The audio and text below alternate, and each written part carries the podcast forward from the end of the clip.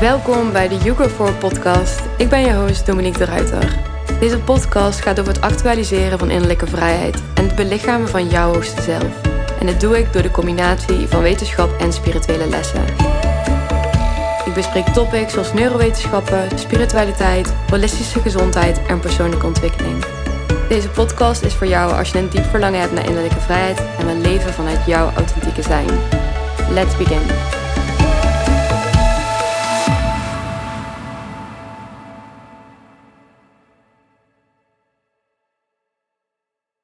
Hey en welkom bij weer een nieuwe aflevering van de Yugo 4 podcast. Ik ben heel erg blij dat je weer luistert. Ik was laatst de serie Lucifer aan het kijken. En voor degene die deze serie nog niet kent, het verhaal gaat over de man Lucifer. En Lucifer is een gevangen engel uit de hel. Hij is de duivel. En hij doet afstand van zijn titel als heerser van de hel en verlaat zijn koninkrijk voor het leven in Los Angeles. En eenmaal in Los Angeles wordt hij dus geconfronteerd met de door de mens gevormde ideeën over de duivel. Waarin de duivel dus wordt afgetekend als degene die kwaad doet. Dat in tegenstelling is tot wat de duivel daadwerkelijk doet, dat is immers het straffen van het kwaad. En het feit dat Lucifer wordt gezien als de creator van het kwaad in plaats van de straffer van het kwaad, vond ik in deze wel toepasbaar op het topic waar ik het vandaag over ga hebben, namelijk de hormonale cyclus. Nu denk je wellicht, eh, wacht even, wat? De hormonale cyclus? Nou, de hormonale cyclus wordt door onze maatschappij ook enorm verkeerd geïnterpreteerd, waardoor we eigenlijk allerlei valse overtuigingen creëren over die menstruale, menstruele cyclus of de hormonale cyclus. En dat zie ik dus ook heel erg uh, naar voren komen in mijn praktijk. Dus in mijn praktijk zie ik heel veel vrouwen die klachten ervaren rondom hun hormonale cyclus.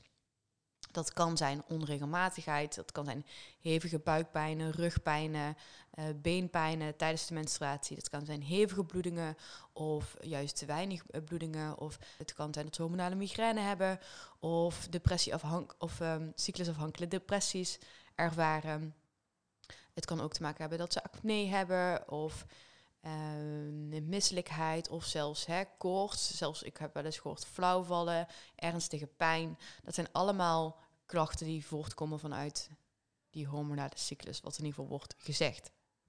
En in mijn praktijk zie ik dus ook vaker vrouwen die ja, het, het einde bijster zijn. Dat ze echt aangeven, ik, ik zou niet meer weten hoe ik nog hè, met mijn cyclus zou moeten leven. Er moet iets gebeuren om ervoor te zorgen dat deze klachten stoppen. Nou, wat we dus heel erg zien in deze huidige maatschappij is dat als jonge dames problemen ervaren rondom een cyclus, zo rond de leeftijd waarop zij dus vruchtbaar worden of een eerste menstruatie hebben gehad, dat zij naar de huisarts gaan. En dat ze daar in veel gevallen dus de anticonceptiepil krijgen. Uh, en later kiezen veel vrouwen ervoor om bijvoorbeeld voor een Mirena-spiraal te gaan, of een Nuvaring, of een prikpil, of hè, whatever. Het lastige daarin is dat er dus onvoldoende wordt gekeken naar wat is nou die oorzaak van die klachten. Wat maakt nou dat die jonge dames problemen ervaren? En daarbij zie ik dus ook heel veel jonge dames die eigenlijk helemaal geen problemen ervaren rondom hun cyclus, maar die dus wel starten met de anticonceptiepil vanuit de reden, hè, ja, dus mijn huid wordt er beter door. Of dan word ik niet meer ongesteld. En dat is handig, want dan hoef ik niet allemaal tampons te gebruiken en zo. En dat laat dus ook weer tevens zien met welke blik wij kijken naar die hormonale cyclus. En ik wil sowieso beamen dat een anticonceptiepil nooit de oplossing gaat zijn voor deze problemen omdat de oorzaak dus niet zit in de anticonceptiepil. Dus de anticonceptiepil kan geen oplossing zijn, omdat we niet tekort hebben aan anticonceptiepillen. Ik hoop dat je begrijpt wat ik bedoel. Ik wil hiermee zeggen dat we wel iets kunnen inzetten om die problemen te onderdrukken of die symptomen te onderdrukken, maar dat we daarin dus niet naar die oorzaak gaan, naar die core van het probleem. En in deze podcast ga, ik verder niet uh, dieper in op de werking van hormonale anticonceptie. Maar ga ik je juist meer vertellen over de kracht van jouw hormonale cyclus. En dat het niet alleen maar uh, gaat over dat je een aantal dagen per week of een aantal dagen per maand vloeit. Of dat je een ovulatie hebt. Maar dat er een veel complexer systeem achter zit. Waarin we zoveel meer informatie uit kunnen halen. En uh, we zien hetzelfde perspectief ook gebeuren op andere delen van ons lichaam. Dus bijvoorbeeld hè, de blinde darm is, daarbij, uh, is daar een belangrijk voorbeeld van. De blinde darm werd langere tijd gezien als een orgaan wat helemaal niet nodig hadden, wat niet belangrijk was. Terwijl wat we zien is dat mensen die hun blinde darm laten verwijderen, dat zij wel degelijk immunitaire problemen hebben. En er is dus ook een hele generatie waarin de, de blinde darm preventief werd verwijderd. En die mensen hadden ook gewoon veel meer problemen later met hun immuunsysteem dan mensen die hun blinde darm niet hadden verwijderd. Dus we kunnen niet zomaar zeggen van hé, hey, uh, we denken dat, dit, uh, dat deze verder geen functie heeft. Dus wij maken er maar dan van dat, dat dit orgaan of dat dit systeem geen functie heeft. Zo makkelijk werkt het lichaam niet. Alles in het lichaam werkt op mega ingenieuze manier met elkaar samen. Hè, en we, zijn nog steeds niet helemaal uit over hoe ons lichaam werkt. We denken het allemaal wel te weten, we denken dat we van alles kunnen tegenwoordig. Maar als we alleen al kijken naar de intelligentie van het hart of van het brein of van bepaalde organen, het immuunsysteem, dan zijn we nog zoveel meer aan het ontdekken waar we nooit iets van hebben geweten. Dus daarin wil ik ook beamen dat het zoveel meer complex is dan dat wij onszelf doen laten geloven. En ik geloof dat de hormonale cyclus te lang is weggewuifd als hè, onpraktisch, dysfunctioneel, zwak, vies. Waardoor we dus als samenleving onze cyclus massaal zijn gaan afkeuren. Zodat we niet langer afhankelijk waren van dit hè, zeer onhandige systeem. En mijn verlangen hierin is om vrouwen te informeren over deze universele leugen.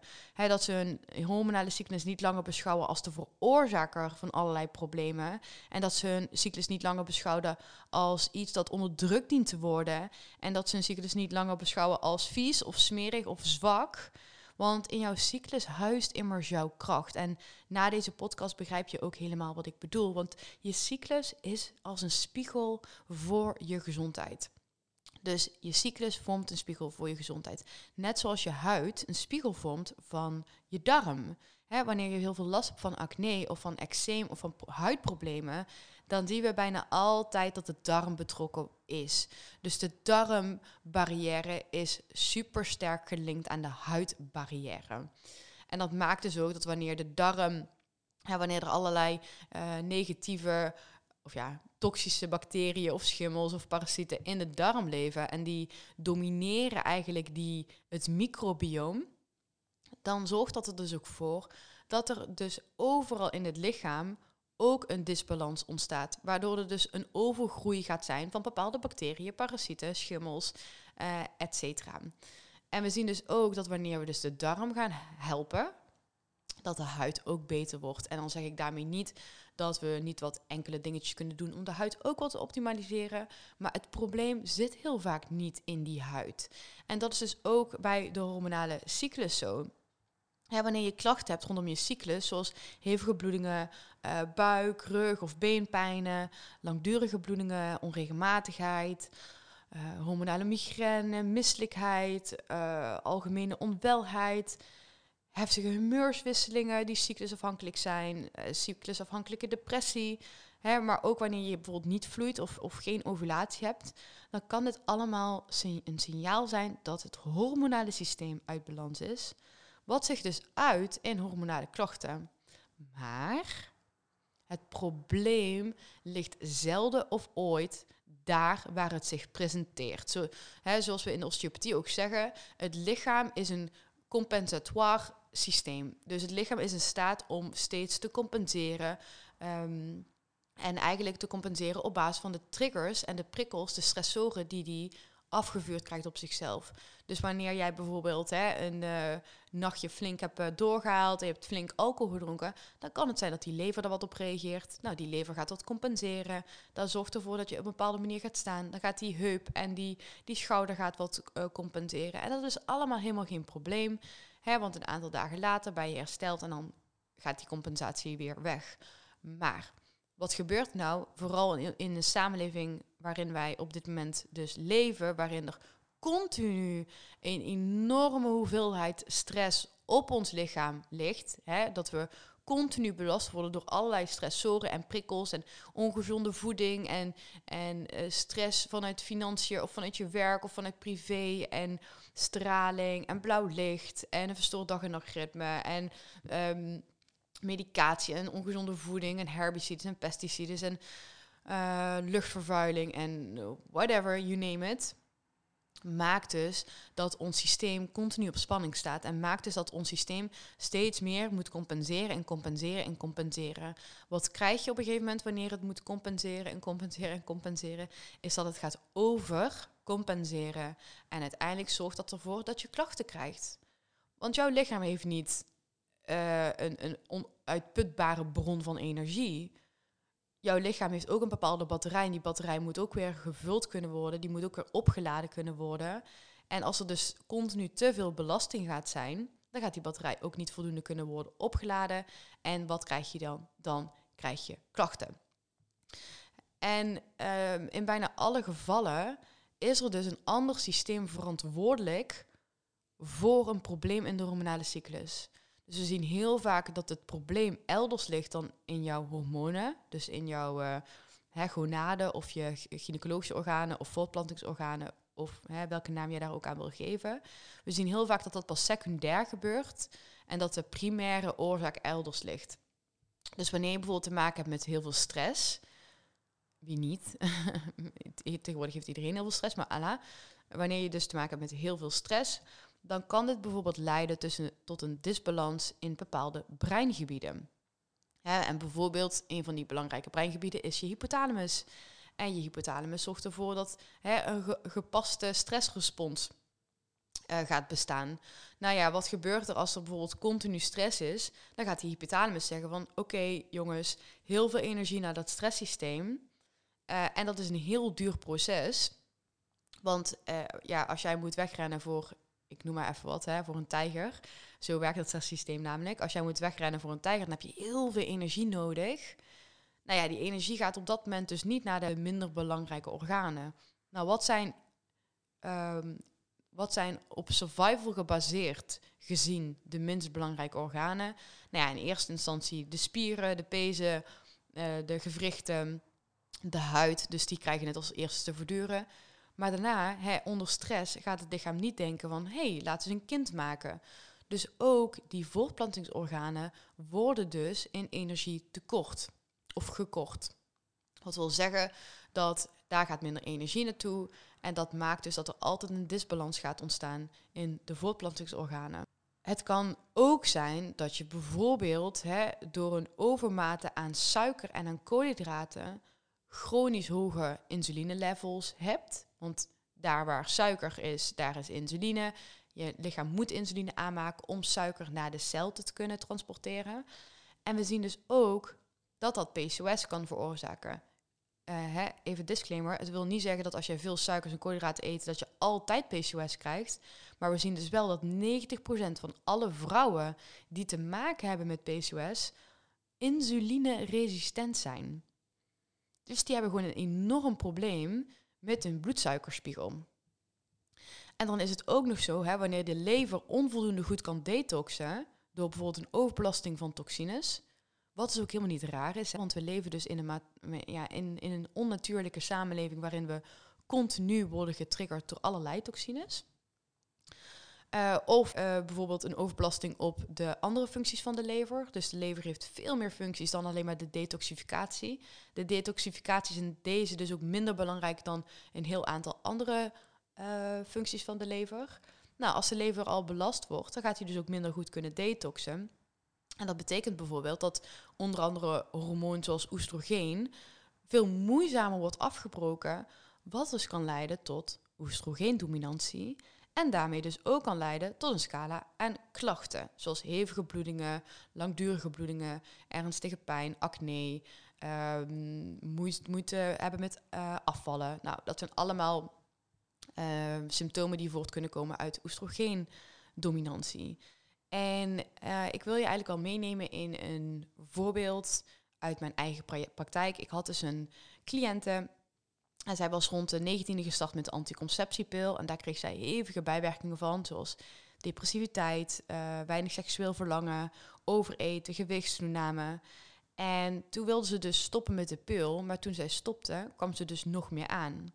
En na tien jaar uh, dat ze de pil had geslikt, dus op haar 29ste, ging ze dus eindelijk stoppen met de pil. En toen had ze dus een half jaar geen menstruatie. En toen zijn ze dus gaan onderzoeken van hè, wat, wat, wat kan dat dus toch veroorzaken. En toen kreeg zij de diagnose PCOS.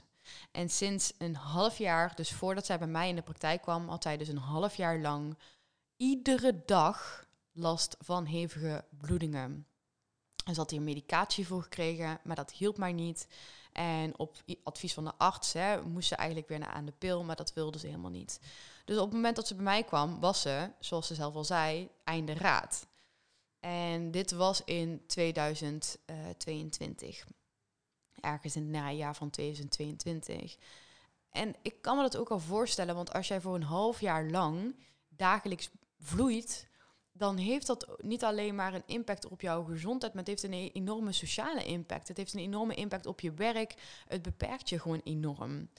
Nou, we zijn in dat geval, of in die situatie, zijn wij aan de slag gegaan met het ondersteunen van onder andere haar lever en haar darmen. En ze is hè, haar insulinegevoeligheid gaan verhogen. En inmiddels uh, want zij was, zij kwam uh, ergens in september bij mij. Inmiddels heeft ze dus al twee normale cycli gehad en heeft ze dus geen enkele keer nog een tussentijdse bloeding gehad. Daarnaast is ze ook 10 kilo afgevallen. Hij heeft ze veel minder last van haar eczeem en is haar energiescore sterk verbeterd. Dus wat we dus daarin zien is dat cyclusgerelateerde klachten dus heel weinig zeggen over je hormonale cyclus. Uh, zelf en alles over jouw algehele gezondheid. En we kunnen dus daarin ook niet zeggen dat als iemand hormonale problemen heeft, oh, ga dan maar kijken alleen maar naar um, die voortplantingsorganen. Dan zal daar dan wel alleen iets fout zijn. Zo, zo, zo uh, simplistisch is het niet. En het is ook niet zo geïsoleerd. Dus we mogen daarin echt een andere betekenis gaan geven aan onze hormonale cyclus. En de hormonale cyclus gaan zien voor wat ze echt is. Want ze is echt een spiegel voor jouw algehele gezondheid. En wanneer je dus je cyclus blijvend onderdrukt, verlies je daarmee tevens dus waardevolle informatie over de vitaliteit van je lijf, waardoor je als het ware dikke pleister plakt op een open wond. Nee, je ervaart dan wellicht voor het moment, hè, voor de time being, geen hormonale klachten. Maar dat wil dus niet zeggen dat de oorzaak daarmee is aangepakt en al helemaal niet is opgelost. En ik wil uh, hiermee helemaal niet zeggen dat je dan maar moet doorlopen met hevige uh, en mogelijk dus sterk beperkende klachten. Maar ik wil je dus wel inspireren om daarin verder te kijken.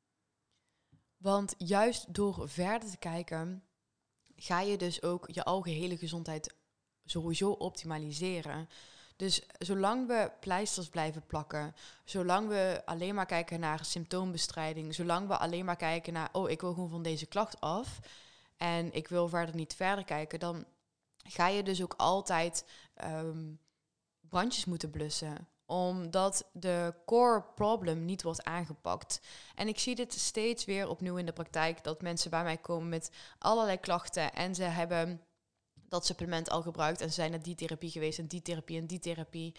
Maar um, in die therapieën is nooit echt gekeken naar, nooit verder gekeken naar wat is nou de oorzaak. En wordt er wel alleen gekeken van oké, je hebt deze klacht, dus daarbij ga ik je helpen. Ik ga jou helpen om die, om die klacht minder goed te voelen. Of ik ga je helpen om beter om te gaan met die klacht. Of ik ga je helpen om de, om de klacht te onderdrukken. En ik zie daarin uh, ik wil niet per se zeggen dat we daarin geen quick wins kunnen inzetten. Dus hè, voor korte periode willen we misschien wel iets inzetten wat voor de time being helpt. Maar het is daarin dus ook heel erg belangrijk dat we ook naar het grotere geheel kijken. Kijk naar die lever, kijk naar uh, het brein, kijk naar je stressniveau, kijk naar die bijnieren, kijk naar de darm, kijk naar het immuunsysteem.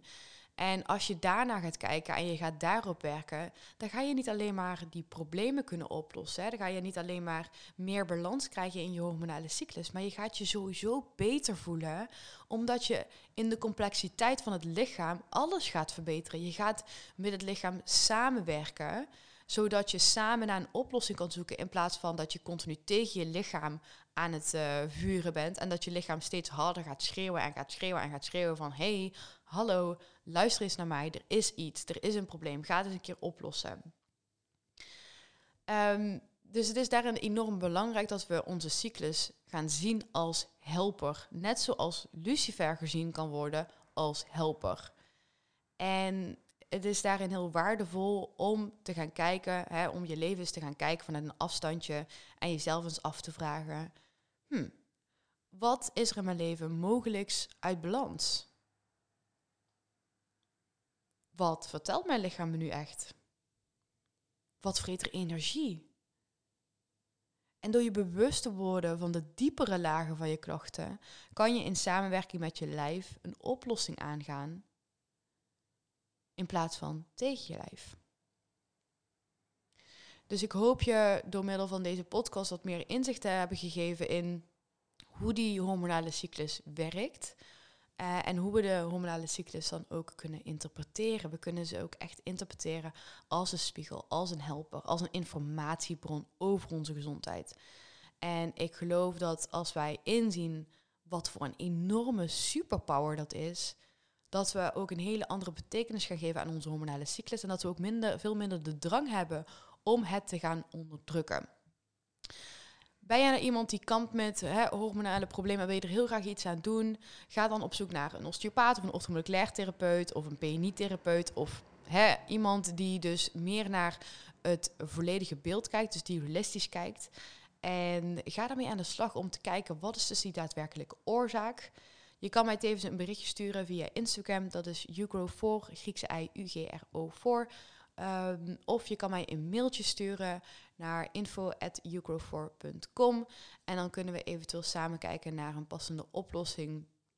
Want er is niets mooier dan werken aan de core van problems.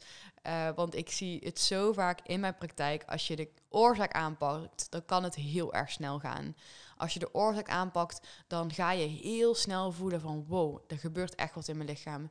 En ik zal daarin niet zeggen dat het nooit in het begin even woe, heel pittig gaat zijn. Maar wat we dus wel zien, is dat het lichaam heel snel weer terug gaat geven. Dus eh, ik vind het daarin ook wel dat ons lichaam zo liefdevol eigenlijk naar ons is. Want we kunnen heel, lang, uh, heel lange tijd best wel uh, ongezond leven en niet zo goed voor ons lichaam zorgen. Maar wanneer we die knop omdraaien en wanneer we hè, gezondheid bovenaan ons lijstje gaan zetten. En wanneer we aan de slag gaan met die oorzaken, dan zien we ook dat het lichaam echt wil veranderen. Het, het wil het allemaal voor ons doen. Het wil gezond zijn. Het wil jou uh, je dromen doen laten uitkomen. Het wil jou uh, energiek maken. Dus het lichaam is eigenlijk gewoon heel erg liefdevol. Alleen we zien het niet altijd in. Dus ik hoop dat je hier iets aan hebt gehad. Mocht je nog vragen hebben, laat het me dan weten. Ik zal alles nog heel even in de show notes plaatsen. En ik zie je heel graag weer terug bij de volgende aflevering.